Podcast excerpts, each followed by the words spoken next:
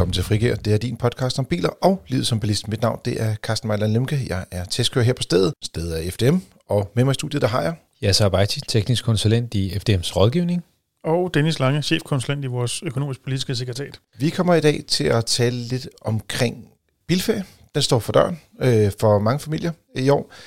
Derudover så kommer vi også til at tale lidt omkring en ny elbil fra Renault, der hedder Megane E-Tech. Og så slutter vi selvfølgelig altid af med lytterspørgsmålene. Men først så tager vi tre korte nyheder. Øh, og jeg kan se, Dennis, du har faktisk taget to nyheder med. ja, ja, vi, vi, starter, vi starter med, at jeg har snydt. Ja. Øhm, men de hænger alligevel en ah, lille smule sammen. Lidt. Det handler om miljø. Begge det handler om miljø. Det handler om miljø. Øhm, den ene første nyhed, det er, at øh, som nogen måske nok har hørt, så her i øh, forleden dag øh, besluttede øh, parlamentet i EU at bakke op om, at øh, man fra 2035 vil forbyde nysalget af benzin- og dieselbiler, eller biler med en udledning, er måske mere det Må man godt være fræk at spørge? Mm?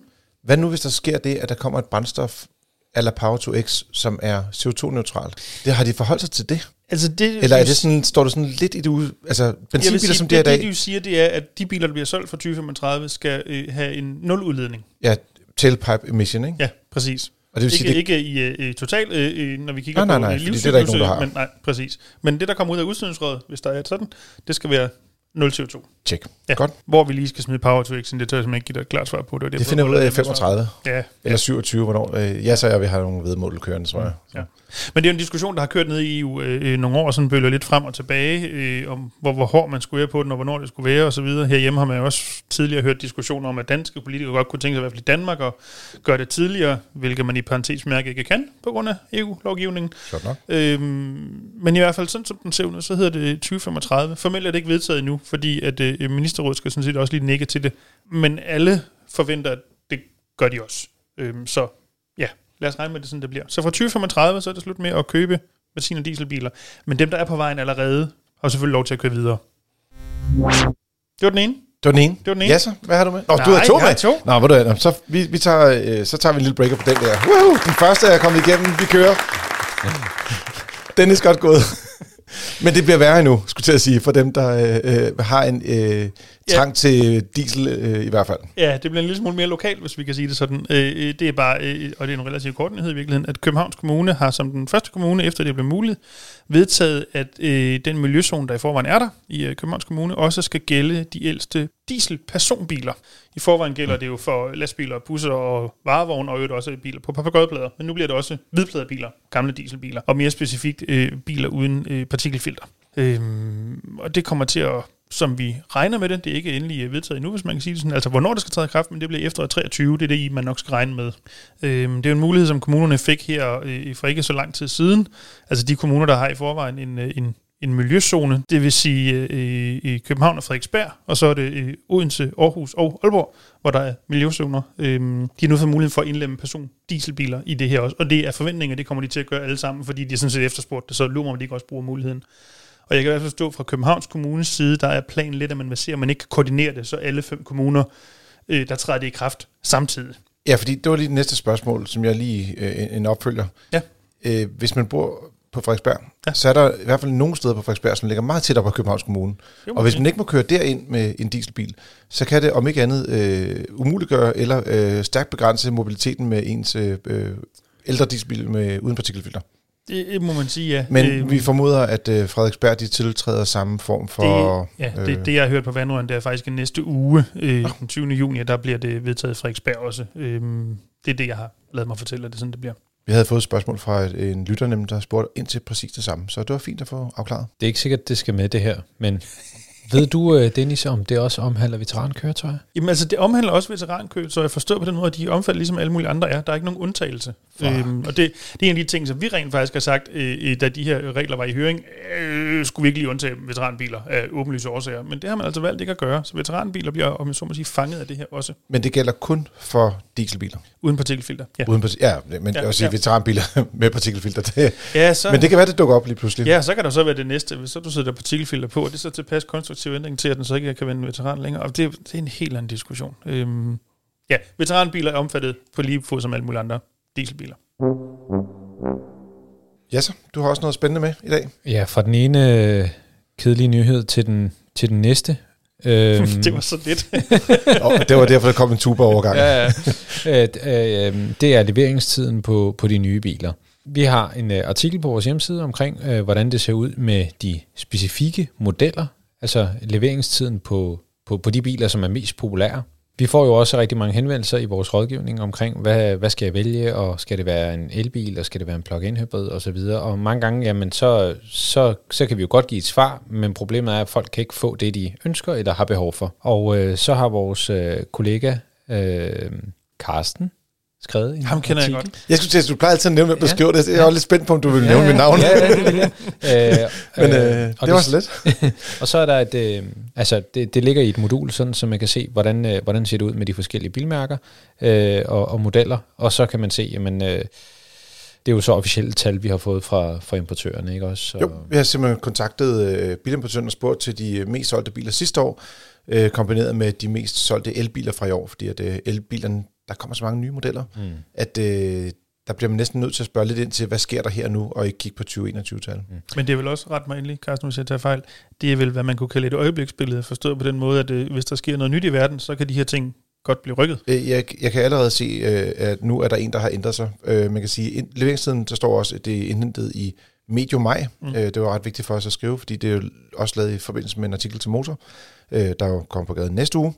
Øh, Og, og der er vi jo, der blev vi nødt til at lave researchen på et tidspunkt, og så har vi jo så valgt at også bringe det på nettet selvfølgelig. Ja. Øh, Men øh, Kia Niro EV, som jeg har forstået det, er den største, første, øh, skal man sige, den første skibsladning er solgt, som jeg har forstået det. Mm. Okay, så Og hvis du går det- ned og vil købe en nu, så øh, skal Ja, du vente på en ny båd. Ja, på den næste båd. Ja. Så skal man lige stå nede ved kajen, ikke? De har også fjernet prisen på bilen i øvrigt. Super. Men vi kan, og, og hævet prisen på alle deres andre modeller. Så det er nok derfor, tænker jeg. Så hvis ikke man fik den første båd, det bådlæs, så kan det være, at prisen stiger på den model. Ja. Model. Men det, der er spændende, det er at, at, at, at se, jamen, hvordan, hvordan ser det ud for de forskellige bilmærker. Fordi nogle biler, jamen, dem kan du få med det samme, og andre kan du, kan du godt se, se langt efter. Så kom ind på hjemmesiden og, og kig lidt. Og øh, min historie den her uge, det er sådan lidt en, ja, et forsøg på at finde ud af, kan man bruge en elbil som feriebil? Øh, det prøvede jeg selv sidste år, men derudover så talte jeg også med, med fire elbilister, som havde holdt ferie øh, på hver deres måde.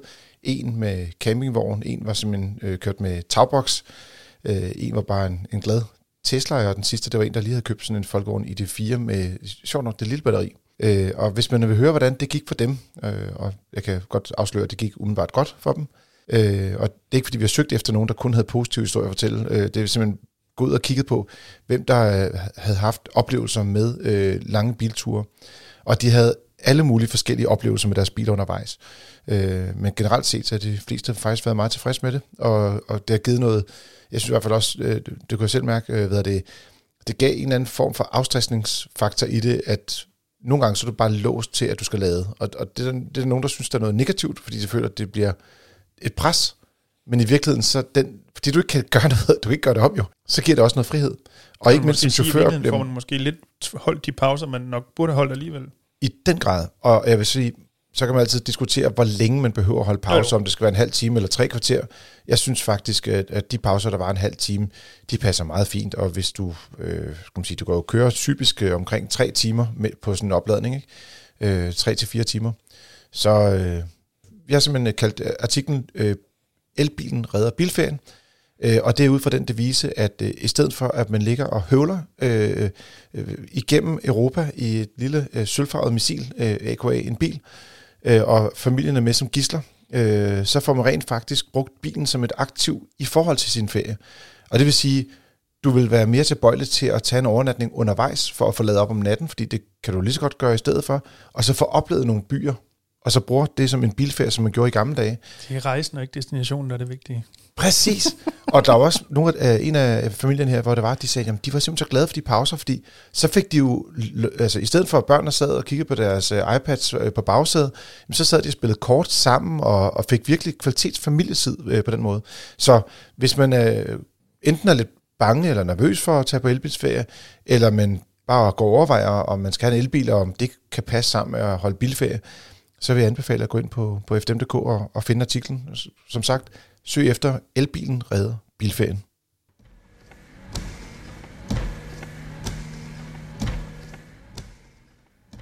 Ja, og så denne uges tema, det er bilferie i det hele taget.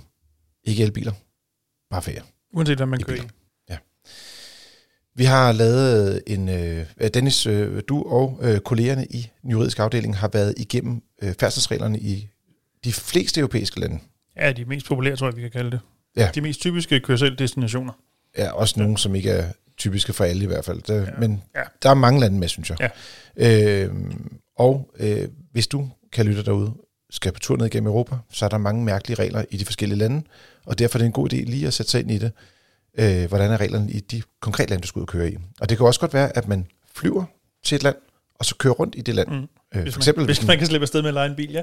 hvis man kan stille på stedet med at lege en bil. Øh, for eksempel, øh, vi skal til Portugal i år, så jeg har ikke brug for at læse op på reglerne for Tyskland, men reglerne for Portugal, dem bliver jeg jo nødt til ligesom at sætte mig ind i.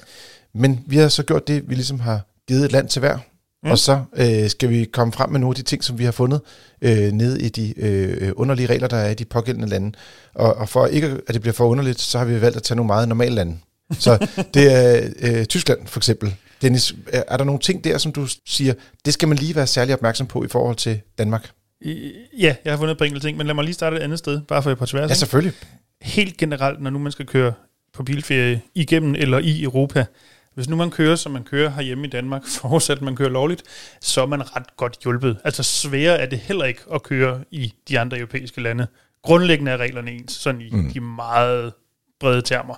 Øhm, og ellers er det jo en rigtig god idé at lige på forhånd have sat sig ind i, hvad gælder der regler, hvad gælder der regler for miljøzoner og øh, motorvejsmarkader og ting og sager. Det kan man alt sammen finde på vores hjemmeside fdm.dk. Det var lige den, øh, den brede indledning. Tyskland. Øhm, det er jo et land, som på mange måder minder om Danmark, og bortset fra, at de mange steder kører lidt stærkere. Øhm, ikke mindst motorvejene. Øhm, og det, Også til landeveje. Ja, også, også landeveje. men Typisk Jeg 100 tror, forskellen er større på Ja. motorvejen, det var måske Ja, ja, det, det- jeg prøvede på at sige. Øhm, ja. Der, der kan være, men ja, der synes jeg faktisk, hvis man anekdotemæssigt lige skal gå ind der, Mm. folk kører generelt langsommere i Tyskland nu, end de gjorde for 10 år siden. Det Også fordi der er mere trafik. Altså, jeg, jeg synes, jeg kan bemærke, at i gamle dage var der mange, der kørte over 200. Ja. Det gør de ikke mere. Altså, det er meget sjældent, folk kører over 200 km i timen. Var der ikke noget med en Bugatti Veyron øh, et eller andet? Jo, han kørte over 400. Men det er lidt noget andet. Det var der heller ikke så mange af. Dem er der heller ikke så mange af. Der var vist også kun en, der gjorde det. Men øh, ham møder man nok ikke øh, øh, på, øh, på køen øh, i, på A7 ned sydpå. Ah, næppe, næppe. Øh, men når man nu kører på den øh, tyske motorvej, eller de tyske motorveje, øh, så er der i hvert fald et par ting, man lige skal være opmærksom på. Den ene, det er, når man kører ind på motorvejen, hvor vi herhjemme er jo vant til, at som absolut udgangspunkt, så er det en, en, en fletteregel, der gælder. Altså dem, der er på motorvejen, dem, der skal ned på motorvejen, skal flette sammen. Øh, så er det ikke i Tyskland. Der er udgangspunktet, at det rent faktisk er, en, der er vigepligt for dem, der skal ind på motorvejen. Det Altså, sige, det- fletteregel betyder lynlås. ja, det godt. kan vi godt, sådan kan vi godt kalde det, ja. Altså, det er sådan, hvor der er en side, den anden side, den ene, den anden. Men Det, det vil sige, at øh, du kan ikke nødvendigvis regne med, når du kommer ned af tilkørselsrampen, at dem, der er på motorvejen, rent faktisk giver dig plads, for det skal de ikke. Det er dig, der skal sørge for, at du rammer det rigtige hul. Øhm, min personlige erfaring er, at det ikke nødvendigvis helt så firkantet i, sådan, mm. i den virkelige verden, men det er i hvert fald sådan reglerne er, og sker der noget, jamen, så er det dig, der har overtrådt din vigepligt. Øhm, så det er jo lige sådan, hvad jeg har med i, i, i baghovedet. Øh, men når man så er kommet ind på motorvejen, øh, så skal man så også lige være lidt opmærksom, når, øh, når tingene begynder at gå lidt langsommere. Øh, hvis der kommer en kø derude, forud, hvis man ryger i kø, øh, så har tyskerne det, der hedder nødkorridorer. dem har jeg bemærket. Ja. Og det de er så ret gode til, vil jeg sige, generelt set på motorvejene. Ja, det bliver de også nødt til, ellers får de bøder. Øh, så Nå, nej, jeg der- synes også, at der er, øh, generelt har tyskerne altid haft en relativt god motorvejskultur. Ja, ja, absolut. Og, absolut. og lige præcis her, synes jeg, der er de altså, der er de altså bare på med det samme. Ja. Men, men det der er pointen, det er, at øh, når der ligesom er optræk til kø, eller når der opstår kø, så øh, hvis man kører på en motorvej med mindst to kørebaner, i hver retning selvfølgelig, så skal man lave en såkaldt nødkorridor. Øh, det vil sige, at dem, der ligger i den venstre af vejbanen, de trækker ud til venstre i vejbanen. Dem, der ligger til højre, trækker i den, ud til højre i den vejbane. Så der bliver lavet et spor i midten. Og det er jo netop for, at så kan redning, politi, brand, ambulance osv. komme igennem til den ulykke, der eventuelt er sket længere fremme. Og hvis der er tre, fire eller fem spor af en eller anden mærkelig årsag i begge retninger, så er det stadigvæk det typisk yderst til venstre, man gør det, sådan at lastbilerne ikke skal flytte sig. Ja, lige ja. præcis. Lige præcis, ja. Øhm, det er du fuldstændig ret i. Øhm, men det er i hvert fald, øhm, det skal man huske, og som du siger, tyskerne gør det, og helt automatisk. Mm. Øhm, og det er også lovpligt, det gør det så allerede derfor. Øhm, ja. Jeg oplevede det faktisk i Danmark her i sidste uge.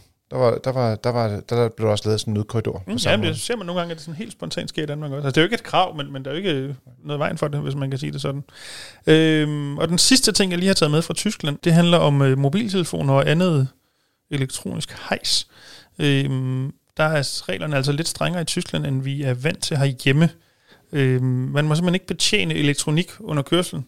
Og det gælder sådan set uanset om mobilen den er øh, fastmonteret, eller om den, øh, øh du har den i hånden, eller hvad pokker du må. Øh, øh strengt taget, jeg har stadigvæk ikke fået nogle af mine, vores kollegaer i Tyskland til at sådan helt finde ud af, om den er kommet til, til domstolen nu, men øh, øh bilens infotainmentskærm må du sådan set heller ikke betjene under kørselen som fører. Øh, det er som problematisk det- med moderne tyske biler, der typisk har en vanvittig stor skærm, men øh, Øh, og, og ikke andet. øh, og ikke andet. Ja, Men der kommer mere og mere stemmestyring. ja. Som Du må godt gange- trykke på knapperne på rattet, Nogle gange virker. Jo, jo, det er meget bekendt, jo, det må du Ja, fordi gerne. det er ikke en touch. Nej. Ja. Det- Så mindre det er touch hvis, hvis der har en skærm, så skal du holde snitterne væk fra det, mens, det, mens du kører. Din passager må selvfølgelig gerne hjælpe dig at med det, øh, men som fører skal det, må du ikke. Det tror jeg faktisk, vi har talt om som et tip tidligere, som jeg selv var Ja, ret dårlig til. Øh, det der med at overlade det til passageren Ja, og stå for rigtigt. musik og sådan nogle ting, da vi talte om... Øh, Det, det er i hvert fald, det, jeg tror, vi to var enige, Carsten, at det er svært som fører at rent faktisk lade være med at følge med i og lige ret, og lige Ja. ja. du skal også trykke derover og øh, Præcis. så er der ikke rigtig vundet noget ved det. Yes. Hvad sker der i La France? La France. Jamen, øh, der Frankrig, for dem, der ikke øh, kan tale fransk.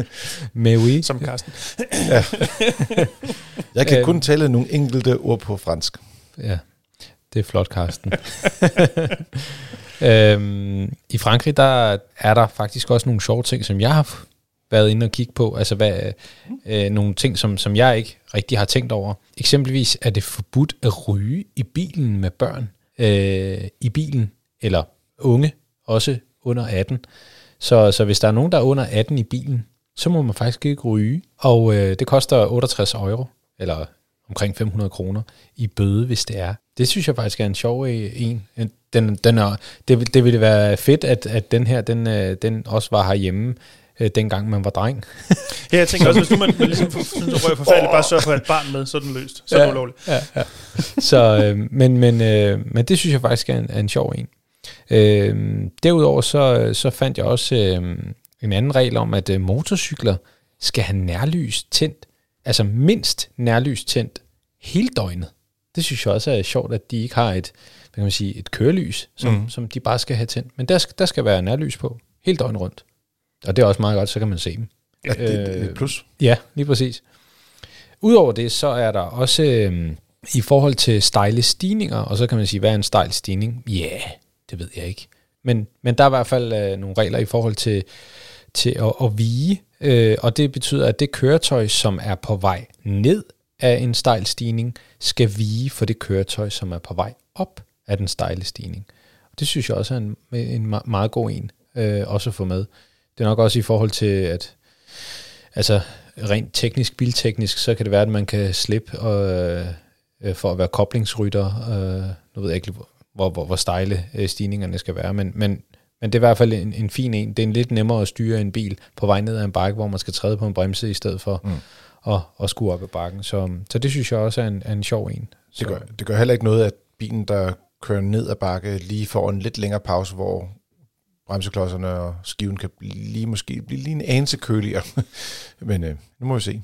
Yes, men øh, det, det, var de tre ting, som, øh, som jeg synes var sjove ved, ved La France. Må jeg bidrage med en ekstra ting om Frankrig? Jeg tror faktisk ikke, at vi skriver om på vores hjemmeside. Øhm, det er, at øh, der er nogle steder, hvor øhm, de franskmændene har øh, lyskryds, altså lysreguleret kryds. Øhm, der kan man opleve, at om aftenen og natten især, så i stedet for, at det skifter mellem rødt og gul og grønt, som vi kender blinker. det, så blinker det gult. Øh, og det betyder, at når det blinker gult, så er der øh, højre vigepligt i hele krydset. Altså så, man kan sige, ophæver man det normale lyskryds, Uanset hvor store vejene er, Ja. så er der højere vipl- vipligt. ja, hvis, hvis de blinker gult. Ja. Øhm, Det, det, Det det, jeg det går de meget efter. Det går de meget efter dernede. Vi, vi boede i Belgien, der havde de også virkelig høj, høj vigepligt. Altså, ja. der Men skal det er man, det skal man kan møde som dansker tænker, øh, pokker det. Men øh, det er det der. Lidt ligesom du snakker med vigepligten på indkørsel på motorvej, Ja, Dennis. præcis. Præcis. Jamen, øh, jeg, har, øh, jeg har taget fat på Italien. Der er mange, der øh, kører ned til Gardasøen, eller i det hele taget, og holder øh, bilferie i Italien. Det er meget populært øh, for, for skal man sige, os danskere. Øh, og der, øh, der har de, hvis vi holder os fast til det med de stejle bakker der, så står der, ikke alle bjergpasser er åbne. Og det har jeg selv oplevet. Øh, nogle gange så øh, cykler jeg øh, på racercykel. I, I, Italien, ikke til Italien, antager jeg. Ja, ah, ikke helt vej ned. Det er kun, kun op i bjergene. Men der er altså, det, det er ikke alle bjergpas, der er åbne, og, og der kan sagtens være sne på toppen og sådan noget, så man skal også være opmærksom på, hvis man kommer op et sted, og bjergpasset er åben, at der godt kan være øh, nedsat friktion, og du kommer jo ikke kørende med vinterdæk, typisk. det, de fleste har husket at skifte på det her tidspunkt af året til øh, almindelige dæk eller sommerdæk, afhængig af, hvordan man kalder det. Så øh, der skal man jo lige være opmærksom på, hvis man kommer op på et bjergpas, kan det jo godt være lidt nedsat friktion og lidt, lidt sværere at bremse og dreje. Så har de også den her regel med, at det er forbudt at ryge i bilen, hvis der er, er børn, som er under 12 år, er det så i Italien. Fordi der er de lidt mere lemfældige. Hvis de er over 12, så må man godt ryge, når de er der. Men det gælder også, hvis der er gravide, øh, typisk kvinder.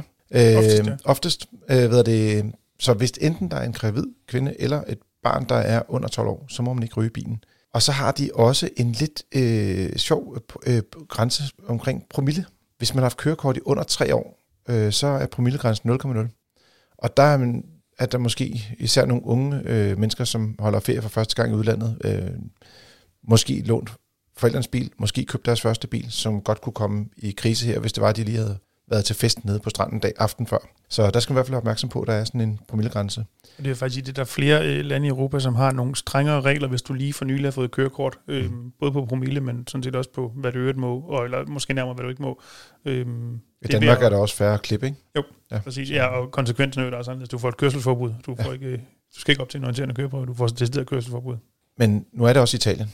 Og jeg vil sige, bare sådan fra mine erfaringer med at køre i Italien, det er, at det kan godt være, at der er en masse regler. Men så er det også sådan, som de kører dernede. Som døder. Som døder helvede. Man skal være utrolig opmærksom på det. Øh, og det gælder også til dels i Frankrig, men især i Italien, der har de altså meget af det her, øh, altså alle tror, de racerkører som udgangspunkt. Mm. Så øh, vær opmærksom, når man kører dernede på de andre trafikanter. Og øh, en gang imellem kan det godt betale sig at lige holde lidt igen, selvom det måske er en selv, der har ret, føler man. Det gælder, hvis det er alt overalt. Også i Danmark i øvrigt. Så har vi til allersidst fået en lille øh, mail fra SOS International. Øh, det er dem, som står for blandt andet, øh, hvis folk de er, skal man sige, de har en kaskoforsikring, og de øh, har et nedbrud på deres bil undervejs, og så skal de jo have noget hjælp med at, at få, øh, skal man sige, enten bilen transporteret tilbage, eller det kan være, at den skal på et værksted eller nogle andre ting. Mm. Øh, og så siger de, at i det tilfælde, at bilen er så skadet, at den ikke kan køre videre, så skal man være opmærksom på, at i år, så er det sådan, at fordi der er så få legebiler, det har vi talt om tidligere, øh, udlejningsbiler i udlandet, øh, så er det ikke sikkert, at man kan køre videre i en erstatningsbil. Så man kan godt risikere, at hjemrejsen, den eventuelt, det siger de, med, bliver med tog. Jeg synes, øh, det kunne også ofre en flybillet, tænker jeg lidt, men okay. men, men det er hårde tider, så øh, det, man, kan få, man kan godt risikere, at hjemrejsen bliver med noget andet end en bil i hvert fald. Mm. Og også, hvis man for eksempel har en meget stor bil, hvor der er plads til seks eller flere personer, at de ikke har mulighed for at fatte på den rigtige type lejebil, og, og, og dermed, at man så får to mindre biler i stedet for en, en stor bil. Det er nok Nå, de færreste, super, der er det. Så er kun en, der har kørekort i den øh, bil med seks passagerer. Det er jo fremragende. Så kan de køre to gange. God tur. ja, ja. Heller ikke godt. Ja. Øh, og så den sidste ting, det er, der har jeg også oplevet før, når jeg har lejet biler i udlandet, så står der nogle gange, at, at forsikringen gælder kun i det pågældende land. Og det vil sige, så kan de heller ikke øh, måske lege en bil, der kan køre fra Italien og så op til Danmark, og så sætter den af i Danmark. Øh, så kan det være, at det et, enten gælder et eller et par lande, øh, man kan få lov til at køre med de her biler, hvor det er, at de kan blive afleveret de forskellige steder. Så det var lidt, hvis man skulle ud og holde bilferie i år, også hvis det er, man er uheldig på vej hjem. Denne uges bil er Renault Megane E-Tech, en mellemklasse elbil, som findes i to batteristørrelser på henholdsvis 60 og 40 kWh, hvis man ikke skal køre så langt. Vi skal tale lidt om den her øh, spændende nye model. Jeg synes, mm. øh, ikke at design altid betyder så meget, men øh, den er i hvert fald en bil, der skiller sig ud designmæssigt. Det er frygtelig slud at sige. Design ja. betyder altid meget. Nå, men øh, så kan vi være uenige om det. Øh, men jeg ved ikke, har I været ude? Jeg ved, at Dennis, øh, vi har talt lidt om bilen, og du har været ude at køre i den ja, også. jeg er så heldig at få lov at, at køre en tur i den. Ja, så var du heldig, eller var du, sad du og, og, og tog telefoner den dag? Ja, jeg tror, jeg, jeg tror jeg, vi har haft travlt. Så, så jeg, har, jeg så den i kælderen. Du har set den? Ja, men øh, det var et, et kort glimt. Jamen, så, så starter du, ja, altså, øh, og så supplerer vi andre bagefter. Altså, jeg har jo som sagt ikke kørt i bilen, men jeg har jo så haft mulighed for at, at kigge lidt på nogle data og lidt dataliste og så videre. Mm. Og det, som, som jeg synes, at Renault har, har gjort, som er fedt, det er, at øh, de har øh, smidt øh, 22 kW onboard charger i bilerne, uanset model. Og det synes jeg faktisk er et godt move. Øhm, det er sådan lidt en Renault-ting, ikke? Altså, Zoe'en har det på nu tror jeg ikke sige, om det er alle, men i hvert fald mange af, af Nogle af de første, ja. øh, kan jeg huske, at de havde, de havde helt op til 43 kW. Ja, Jeg skulle til at sige, det var endnu mere end. Okay. Så, så der var, og der var ikke engang et, øh, et, et CCS-stik, mm. så der var kun et, et type 2-stik. Ja. Øhm, men det er meget fedt, at man også øh, på de destinationer, hvor der er øh, 22 kW til, tilgængelig, at man kan nå at få ladet op ganske hurtigt øh, ved brug af den her øh, onboard charger. Det synes jeg er et godt move fra, fra Renault. De fleste private husstande, der vil man have det, der hedder 11 kW. Altså det vil sige, hvis batteriet er på 40 kWh, så vil det kunne lades op på cirka 4 timer. Mm. Men når du så siger 22 kW, så betyder det, at den jo teoretisk set kan lades op på cirka to timer i stedet for. Mm. Men hvor kan man finde sådan nogle lader? Fordi der er jo ikke så mange, der har så meget strøm tilgængelig i et almindeligt, almindeligt husstand. Men Det er jo typisk de her destinationslader, man finder rundt omkring øh, i storcentre og så videre. Der er også mange af de her, øh, altså der er også mange værksteder eksempelvis, mm. som, som også har dem stående ude foran, øh, sådan så de bliver brugt til værkstedet eller til, til bilforhandleren i, i, i dagtimerne. Og så når de har lukket, jamen så, så er det egentlig bare en ladestander, der, der, der er tilgængelig. Så det, det er også, øh, der er også nogle af de her øh, øh, hurtigladere, nogle af de første generation hurtigladere, hvor der også er op til 43 kW tilgængelig på et type 2-stik. Der vil man så kunne få de, de 22 til sin Renault.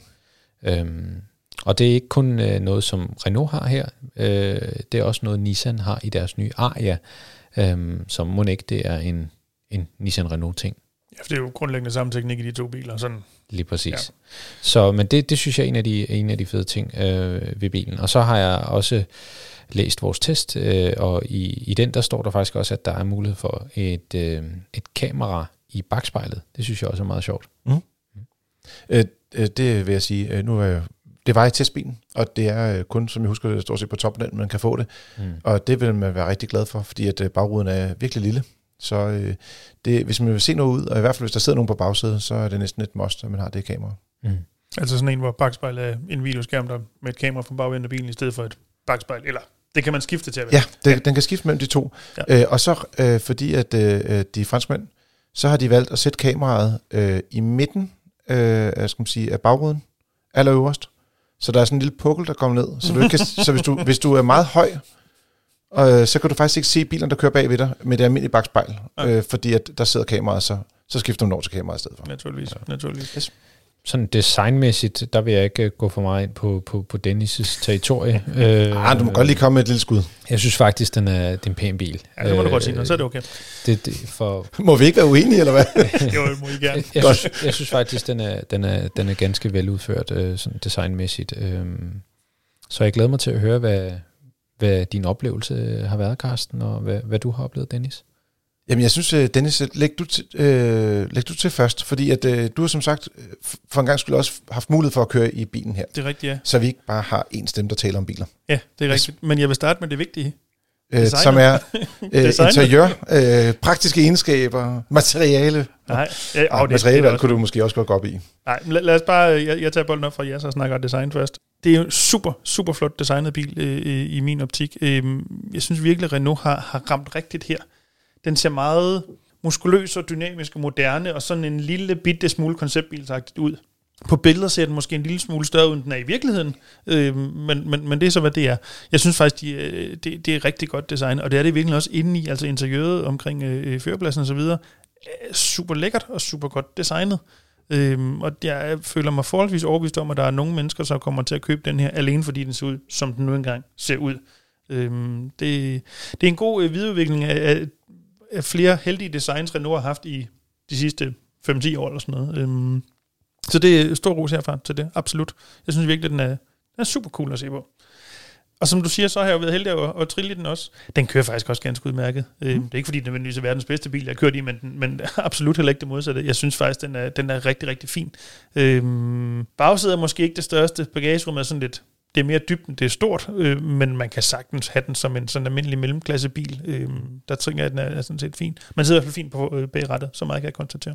Jeg tror også, øh, en af de ting, der, der slog mig, det den øh, variant, vi har haft til test, det er topmodellen med en øh, udstyrspakke, øh, som giver adaptiv øh, fartpilot, der jo så ikke er standard, Ja. ja. selv i topmodellen. Så det er sådan en ting, hvor jeg synes, det er næsten lidt pinligt. Altså, når man kan gå ud og købe, øh, af, skulle jeg sige, øh, nogle minibiler, hvor der de har adaptiv fartblå som standard fra sådan mellemudstyrsvarianterne. Øh, mm. Og så kigger vi på en bil, der koster i det her tilfælde øh, lige underkanten af 400.000 kroner, øh, og det så ikke er, er standard, at man skal købe en pakke. Det synes jeg, øh, altså alle vil jo tage det jo. Altså, jo, jo. Hvis du kigger på, at det er den, den udstyrspakke til 15.000, så er det blandet det der bakkamera, øh, mm. eller ekstra øh, øh, bagspejlskamera, øh, er også en del af det. Ikke? Mm. Øh, så selvfølgelig vil man vælge det. Så, så, så testbilen kostede øh, 300 og, lad os sige, 390.000 i rundetal, øh, øh, uden, øh, uden lak, ikke? Så vi, vi, vi sidder og kigger på 400.000 kroner øh, for, for en, øh, en elbil. Det er jo et apropos adaptiv fart, blev aldrig blevet klog på. Det er, i hvilken udstrækning den her bil har øh, ikke så meget måske lane keep, men mere banecentrering, øh, vognbanecentrering, tror vi plejer at kalde det. Den har faktisk sådan en form for vejbanecentrering, men, men det fungerer meget forskelligt fra bil til bil. Mm. Men min oplevelse var i hvert fald, at den ligger meget øh, behageligt i vognbanen. Jeg synes faktisk, dem, der er værst, er dem, som er meget rigide og holder hårdt på rettet. Øh, her der kunne man altså der hjælper den, øh, uden at den er sådan til scene, når man er på langtur. Mm, ja. Og, og til, tilsvarende, den adaptive farplot, synes jeg faktisk også fungerede faktisk øh, ganske udmærket i, i bilen. Øh, nogle gange så kan man have nogle biler, hvor der er, de sådan enten bremser meget sent, eller reagerer meget, meget tidligt. Ikke? Ja. Øh, og der synes jeg også, den var, den var virkelig vel afbalanceret lige der øh, på den konto. Men øh, apropos, øh, så kørte vi øh, 330 km på motorvej øh, med, med det her 60 kWh øh, batteri, og det synes jeg faktisk ikke er specielt øh, imponerende. Øh, det er ikke en imponerende længde, og jeg vil også sige, hvis man går ud og køber elbil til, til 400.000 øh, kroner, så synes jeg også, at man ikke får nok rækkevidde for pengene, hvis man skal sige det på den måde. Jeg synes jo, det der i den her bil, det, det er lidt prisen, ikke? fordi du er op, hvor du den, på prisen lidt begynder at konkurrere med biler, der, elbiler, der er nummeret større. Altså, der er måske nærmere du kan få SUV-agtigt noget. ID4 øh, størrelse eksempel, ja. øh, ja. biler til omkring 400.000 ja. også. Ikke? Den bliver hurtigt meget dyr i forhold til, hvad den er størrelsesmæssigt. Så har den dog altså virkelig et lækkert interiør. Absolut. Altså, og, og i den her prisniveau, øh, der er det jo også med, med deres, øh, hvad end, om det er ægte læder eller kunstleder, øh, men noget, der ser læderagtigt ud, øh, og nogle træpaneler på, på dørsiden, mm. som ser rigtig flot ud, faktisk. Ja, altså, den har et, et materialevalg i kabinen, som er meget unikt, synes jeg i hvert fald, øh, i hvert fald i mellemklassen lige nu. Øh, den, der jo. tættest på, det er vel en Cupra Born, måske, men måske. ja, ja. Jamen, egentlig, den virker meget lækker luksuriøs i forhold til klassen. Hvad med det der Android, uh, Android styresystem? Uh, Automotive, er det ikke det? Ja. Jo, det, det fungerer øh, godt. Altså det vil sige, det er klart plus ved den, og, og det er et sted, hvor der den føles meget moderne i forhold til mange af, af konkurrenterne, og jeg synes egentlig også, deres skærmløsning er bedre end det, man finder i for eksempel Polestar som også er god, men der er meget nogle steder på Polestar, der står bogstaverne meget, meget småt, mm. så det kan være svært at læse. Øh, jeg, jeg ser faktisk rimelig godt stadigvæk, selvom jeg er gammel. men der er nogle andre øh, hvad er det, mennesker i verden, som ikke øh, har helt det samme øh, gode øh, syn. Blik. Jamen, det er det. Og, og det kan være svært, at, at, det der med, at du skal fokusere meget på nogle ekstremt små tekster, altså hvor det er, at man skal have læsebriller frem for at, at, at se, hvad der egentlig står på, på ikonerne. Ja, ja. Og der synes jeg, at de har løst det faktisk bedre fra uh, Renaults side på, den punkt, uh, på det punkt. Men det er jo grundlæggende, at det er jo det samme styresystem, som der ligger i Polestar, eller også nogle af Volvos modeller efterhånden. Ja, ikke? også Volvo. Ja. Og rigtig mange af Volvos biler efterhånden er ja. begyndt at få ja. det. Så det er rigtig interessant. Jeg vil sige, hvis man skal, nu har vi talt om, at der er god komfort i bilen, Førerpladsen har vi talt om er positiv. Der er mange forskellige slags udstyrsmuligheder, dog adaptiv fartblok standard. Den lader rimelig hurtigt, også når man er på farten faktisk. Øh, så der er meget, der tæller for den, men, men jeg synes, prisen, som vi var inde på før, mm. øh, hvis man vil have den med adaptiv fartblok, så skal man vælge en, en variant, der koster med øh, pakken med adaptiv fartblok. Så ender den på 360.000, så det er den billigste udgave. Og så går den jo op til 390, altså det vil sige 30.000 ekstra for at få topudstyrsudgaven. Ikke? Så, så det er jo en bil, hvor det er, når først man står dernede og vælger, så tror jeg, man ender med at tage topmodellen, hvis man tager den her bil. Det, det, det er også den, jeg synes, der giver, hvis vi ikke lige nødvendigvis kigger på prisen, giver mest mening. Giver mest mening, ja. ja. Og, og så er udfordringen lidt, at den ender med at blive dyr, og ikke har øh, så vanvittigt lang rækkevidde. Og øh, bagsædepladsen har vi jo ikke talt så meget om. Var du inde domme? Øh, ja, ja, kort. kort. Ja. Men det er også en sted, man ikke ønsker at være alt for længe. Altså, som, som, som hvad skal vi sige, øh, voksen af en vis højde, det er ikke, det er ikke langturen, der skal om. Nej, men også fordi, det, altså pladsen var, synes jeg, først tænkte man, ah, der er ikke nogen plads om, men så viser det sig, der var faktisk egentlig sådan en rimelig plads, uden at være meget plads, men der er bare utrolig mørkt, mm. og nogle meget små øh, ruder, og den er ikke så bred heller. Så det er mere en, øh, skal man sige, fire voksne end fem voksne bil. Mm, ja. Og så bagagerummet, som du nævnte tidligere, det har den der meget dybe øh, indre læssekant, som gør, at øh, det vil i hvert fald begrænse øh, brugen for nogen, og det er meget tungt at hive en kasse øl op af bagagerummet. Øh, det er dog på 440 liter. Du kan ikke købe øl, når du kører en fransk bil. Det må være vin som minimum. Der er altså også nogle franskmænd, der drikker øl. jeg ved godt, det kommer som chok, kulturelt chok, men måske sommerferien skal gå Ost til... vin andet skal der ikke købes med sådan en bil. okay, point taken. Man skal bare huske at få øh, som sige, øh, de, de værste ost ud, øh, så de ikke ligger for længe i bagagerummet ja, i hvert fald. Ja, og så ved jeg, at Jasser og du og dine kolleger i, i rådgivningen, også er den juridiske del af rådgivningen, I vil sidde og kigge på to års garanti på sådan en bil og tænke... Ja, jeg vil tænke, tør det ikke give mere? Ja, det gør Stoler de ikke mere på deres produkt? Mm. Ja. Ja, det, det, er i hvert fald ikke et, øh, det er i hvert fald ikke noget, der imponerer. Øh, ikke til 400.000, det synes jeg ikke er flot. Men alt det her gør jo så også, at normalt vil sådan en bil jo lande, vil jeg sige, på omkring en femmer. Den havde den virkelig, øh, gjort et virkelig positivt indtryk, men de her praktiske egenskaber trækker ned, garantien trækker ned, prisen trækker ned, og rækkevidden også for den sags skyld. Mm. Og det gør, at vi ender på, på fire stjerner. Fordi det er stadig en bil for nogle mennesker, som ikke har øh, et stort behov for at køre langt. En rigtig, rigtig flot og lækker bil, øh, og komfortabel ikke mindst også. Så øh, hvis jeg man tænker det, virkelig, hvis nu bare bilen var 50.000 billigere, så så meget anderledes ud i forhold til den samlede pakke.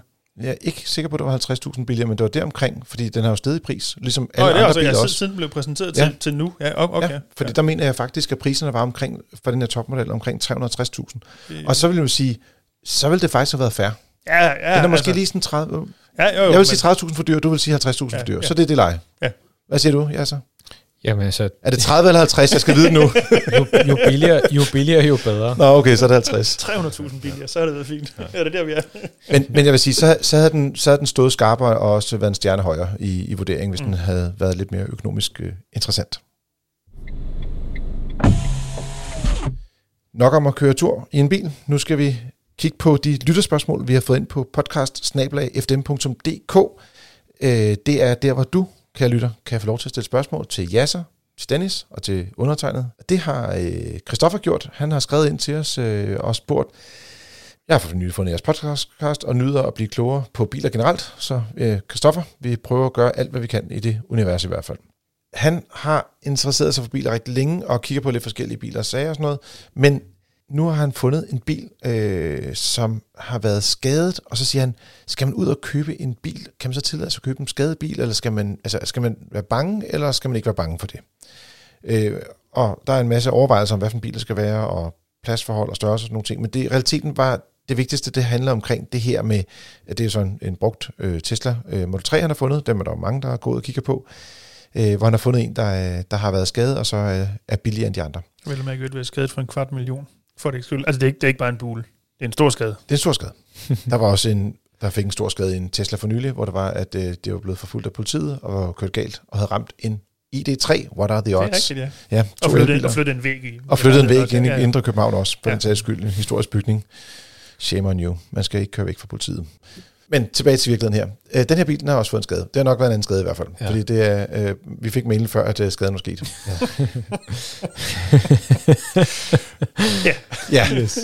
Ja, så jeg kigger på dig, fordi Ja. ja. det, det er noget med teknik, og det er noget med store skader på biler. Mm. Øh, øh, hvor skade kan en bil være, uden at man skal være bange? Jamen altså, ja, vi, vi har jo sådan en, en, en, en holdning, der hedder, jamen hvis en skade er, er udført, altså repareret korrekt, så skal man som udgangspunkt ikke være bekymret. Og hvis der er tale om en specialbil, nu, øh, nu, nu er det her en, en Tesla Model 3, og der er rigtig mange af de her. Så, så det er ikke en specialbil. Det er en helt almindelig stangvare. Så, så, så, det, så betyder det jo mere, end hvis det er en specialbil. Hvis nu det var et eller andet uh, Bugatti fra, fra, fra 60'erne, så er, der, okay, nu forstår jeg det. så er der jo ikke særlig meget at vælge mellem. Så det er enten den skadede bil, eller ingenting. Så betyder det jo ikke så meget. Men hvis det er en bil, hvor der er mange tilsvarende biler, så er der jo altid mulighed for en køber at sige, nej, den er jeg ikke interesseret i, fordi jeg kan få den, der står ved siden af, til nogenlunde samme pris. Øh, og så slipper jeg for alle de her, øh, så slipper jeg for de her store skader, øh, og så ved jeg også, at, at, at den dag, jeg skal sælge den igen, så skal jeg heller ikke oplyse, at bilen har haft så store skader, som, som potentielt kan skræmme køber væk. Nu var jeg lige inde og kigge på den specifikke bil, som, øh, som Christoffer havde sendt os. Og den stod faktisk kun 10.000 kroner billigere En, den næstbilligste, eller el, en en tilsvarende. tilsvarende. Mm. Ja. Og, og, og den, som var tilsvarende, det var ikke kun fordi, at der var én tilsvarende. Der var 30 tilsvarende. Så derfor så, så vil jeg jo øh, ikke være tilfreds med et, et, et afslag på 10.000 kroner, fordi der er så meget andet at vælge imellem, øh, som ikke har været skadet. Øh, og, og, og hvis ikke man kan få at vide, jamen, okay, 250.000 kroner, det er meget, men hvad har det specifikt været? Mm. Hvor har den her bil været skadet? Er det, er det fordi, at man har kørt bunden i stykker, og der er skiftet en batteripakke, øh, og det kostede 250, eller er det fordi, der har været trukket i bilen, der er blevet trukket i vangerne, der er blevet, altså at, at, den, at den har lille et stykke krøllepapir, og så er den blevet trukket ud igen. Så det kommer meget an på, hvordan den har været skadet. Men i det her specifikke tilfælde, for 10.000 kroner, dem vil jeg ikke spare, så vil jeg hellere købe en anden bil. Man kan vel sige, at selvom du selvfølgelig har ret i, at hvis en skade bliver udbedret rigtigt og fagligt korrekt osv., så, videre, så er der i sig selv ikke nødvendigvis et issue i det. Omvendt ved man det jo heller ikke nødvendigvis, om den er lavet korrekt. Forstået på den måde, at der er altid en øget risiko, når man ved, at bilen har været skadet, for at der rent faktisk et eller andet, der ikke er lavet ordentligt, eller går i stykker lige om lidt osv. Og det er jo den risiko, man så i virkeligheden skal have betaling for, i kraft af et nedslag, der modstår den risiko. Det er jo det, der er hvad skal vi sige, grundlinjen i det, ikke? Lige præcis. Så, så, så jeg, jeg synes, at man skal ligesom overveje, at man, hvis nu den her bil havde kostet 80.000 mindre, eller 50.000 mindre, så vil jeg sige, ved du hvad, få den, få den undersøgt, få den gennemgået af, af nogle uvildige, og så se, jamen, hvad, hvad, hvordan ser det ud? Har du mulighed for at få den taxatorrapport, som, som, øh, som der blev øh, anvendt øh, ved skaden, så kan man måske sige, okay, det er det her område, vi skal fokusere på at undersøge, men for 10.000 kroner, der synes jeg, du skal finde en anden bil. Ikke uvildigt spørgsmål til dig for en FDM-ansat, det er, tilbyder FDM sådan nogle skadeskontroller? Altså kan man komme ind med sådan en bil og få den undersøgt? Altså, det, Jeg ved godt, men ikke kan, øh, det kræver så, at- at man har fået den der rapport fra, øh, som ved, hvad, der, hvad de skal kigge efter mm. i virkeligheden. Ikke? Jo, altså det, man kan sige, vi, vi har jo brug for nogle oplysninger, så vi ved, hvad det er, vi skal forholde os til. Vi tilbyder jo øh, skadeskontroller til medlemmer, som for eksempel, lad os antage, at, at jeg har fået skadet min bil, så kan jeg jo godt gå ind og få den undersøgt her ved FDM, øh, ved at, at der også er en, en, en taxatorrapport tilgængelig, som, som vi går ud fra, og så ser om det arbejde, der, der, der er betalt for, øh, om det så også er udført korrekt. Men i det her tilfælde, så skal man jo have noget historik og nogle oplysninger, øh, og, og det bliver man nødt til at have fat i, inden vi kan begynde at lave nogle undersøgelser. Vi har også fået en henvendelse fra Danny. Han skriver, skriver fed podcast, fast element på min biltur, men med hensyn til ladeskik, I plæderer for, at man højst lader til 80%, og at det er dårlig skik, og så skriver han i parentes, udskamning, at lade mere. Øh, men så siger han også, at kapaciteten øh, kan jo godt være lav for nogen, at, at man har brug for at lade øh, op til mere, og øh, ja, der er også noget kulde, der er noget vindmodstand, som med rækkevidden, øh, der er også stor forskel på, om man kører motorvej eller kører på, på landevej og sådan noget. Ikke? Øh, så han siger, at han kan godt, skal man sige, han, han kan godt forstå, at hvis man har stået i kø for at lade op, at man så har lyst til at lade op til det maksimale, man kan lade op på øh, bilen. Øh, og, øh, og jeg kan huske, at vi var lidt uenige her. Øh, Ja, vi snakker om det for, ja, jeg ja, kan huske et par afsnit siden, eller sådan noget cirka, ikke? af samme årsag, jeg tænker, det var måske meget godt lige at samle op, mens øh, Ja. ja. om ikke andet vi kan huske det, måske lytterne også kan huske det. Øh, fordi at jeg så jeg var meget i samme båd sagt, op til 80, så videre. Altså, medmindre man virkelig har brug for kritisk at få de sidste par kilometer. Men jeg vil sige, der vil altid komme en lader til på, på de næste. Hvis du er oppe på 80%, så har du så meget rækkevidde. At der kommer en lader senere på turen, hvor det er, at du vil kunne lade hurtigere, og dermed kunne få mere energi. Og det, ja. det var det, der var min bevæggrund for at sige, altså maks til 80%. Det er på, når du er på lang tur. Ja. Øh, det er klart, når man lader op derhjemme, eller hvis du lader op før du skal køre hjemmefra, så lad bilen op til 100%, så du har så meget rækkevidde som muligt. Men når man er på tur, så undgå at, at spærre den her lader for, for de andre øh, bilister, og dermed også undgå, at de andre spærrer for dig. Ja. Det er sådan, det ender. Og det, det jeg Ja, pointerede lidt, lidt, lidt dengang, hvor jeg er jo enig i, at der er, der er rigtig mange gode grunde til kun at lade til 80 i rigtig mange tilfælde. Mm. Men der kan også bare helt konkret for den enkelte være en situationer, hvor det er nødvendigt, at der er en årsag at ramme øh, 100% og lade absolut så meget, som man nu kan slippe afsted med. Og det var det, der jeg lidt prøvede, og det er jo lidt det, jeg også læser ind i i Dennis øhm, indlæg, når han øh, snakker om det her udskamning. Man skal lidt passe på med måske at hisse alt for meget op over, hvad andre gør, for det, du ved ikke, hvorfor de lader til 100. Ja. Øhm, så inden man lige finder høtyvene frem, så der kan være en god De årsag kommer, til det. de kommer lige tilbage nu her, de har hørt jo, fordi han siger også, øh, og øh, den skal, det svarer jo til, at jeg kun har 17 liter i min fokus. Øh, det vil sige, han er ikke elbilist nu. Og jeg vil sige, det her det handler jo også om, at vi skal jo vende os til, hvordan det er at køre med elbiler. Mm. Og, og det, det er også derfor, jeg har kørt nogle elbiler, hvor det er, at de for eksempel i det første kvarter lader altså 50 eller 70 procent hurtigere, end de gør det næste kvarter. Så er vi nede på at sige, jamen skal du lade mere end et kvarter i nogle biler? Det kan måske slet ikke svare sig. Altså, så hellere gå ind og tage to pauser af et kvarter, i stedet for at holde en halv time. Fordi du får faktisk mere energi ud af det. Mm. Og så optager du også laderen i kortere tid for de andre elbilister. Så jeg tror det her, jeg fik et spørgsmål en gang af, af, min chef, som sagde, øh, kan det bedst svare sig at, at lade øh, mange gange i kort tid, eller en gang i lang tid? Og svaret er altid, altså der er jo altid, man skal jo lige fra motorvejen frem og tilbage, men som udgangspunkt kan det bedre betale sig at lade øh, flere gange i kort tid. På de fleste elbiler, skal lige siges. Mm. Ja, så du er øh, vores nørd lige her på elektronik. Kan du lige øh, summe op, så vi måske kan blive venner herovre på den anden side af bordet? Jamen, jeg, jeg, for, jeg forstår, altså det, det, det I siger begge giver mening, og det, det, det Jeg sy- hørte, at jeg så giver mig ret. Ja, Ja.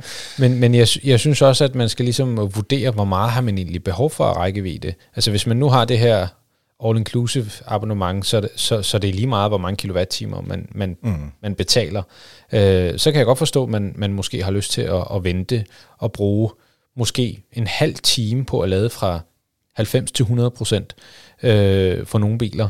Øhm, og hvis man har tiden til det, og der ikke er nogen, der venter øh, efterfølgende, så øh, slår, der, slår der løs og, og, og, og blive siddende i bilen. Men, men det giver bare ikke mening. Altså, øh, økonomisk giver det ikke mening, øh, hvis, hvis ikke man har... Altså hvis man betaler for kilowattimerne, det kan være dyre kilowattimer, og skulle lynlade med, med, med 5 kilowatt for eksempel, mm. øh, det, det er jo ikke imponerende. Øh, så hvis Altså man, dyre i forhold til den tid, man bruger på det. Ikke fordi de bliver dyre. Sådan, altså. Nej, men, men, men, men, men altså kilowattimerne koster jo mere, hvis du lader ude. Øh, ja, og jo, du jo. ikke har det her abonnement, ja. kan man sige. Hvis du betaler 6 kroner, ja. og du kan komme hjem og betale halvdelen eller, eller en fjerdedel, mm. så, så, så, så kom du bare hjem og, og lad derhjemme i stedet for.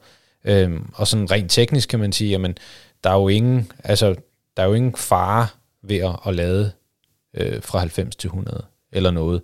Det er bare, en- altså, det er bare ikke praktisk. Det tager bare tid, og du får ikke så meget ud af det. Så jeg, jeg, jeg, jeg så helst, at folk de lavede det, de havde behov for, og så kommer videre, mm. og så lader igen. Om Og- det så er hjemme eller ved en anden øh, lynlader. Og apropos behov, og bare for at komme Dennis lidt i møde, så vi også kan få en god øh, eftermiddag her på arbejdspladsen, øh, så vil jeg sige, der er jo nogle gange, hvor man er i en feriesituation som nu, hvor det er, at man måske har lejet et sommerhus, hvor du ikke har mulighed for at lade, men du er kommet til en lynlader på vej mod sommerhuset, nærmer dig, og vil godt lade op til den uge, du skal ligge og køre rundt i nærområdet, før du kan komme tilbage igen til lynlader, så du kommer hjem og videre. Øh, og der kan det jo godt være, at man godt vil gå helt op til top. Og er der så ikke nogen, der holder i kø, vil jeg sige, det er fair nok. Men hvis der er en kø bagved, og du sidder der og venter en halv time for at få øh, lige det sidste snoller med til turen, så synes jeg, man skal, øh, skal man sige, hive stik ud og køre videre. On that note, du har lyttet til Frigir, din podcast om biler og livet som bilist. Husk at give os nogle stjerner i din podcast-app og anbefale os ikke mindst gerne til mindst en eller to venner, inden du hører den næste podcast, der kommer herfra. Har du spørgsmål, kan du sende dem til podcast.fdm.dk. Ja så, Dennis. Merci. Grazie. Danke må den sidste så Danke, var det, ja, det var Tyskland. og til dig, kære lytter, tak fordi du lyttede med, og god tur derude.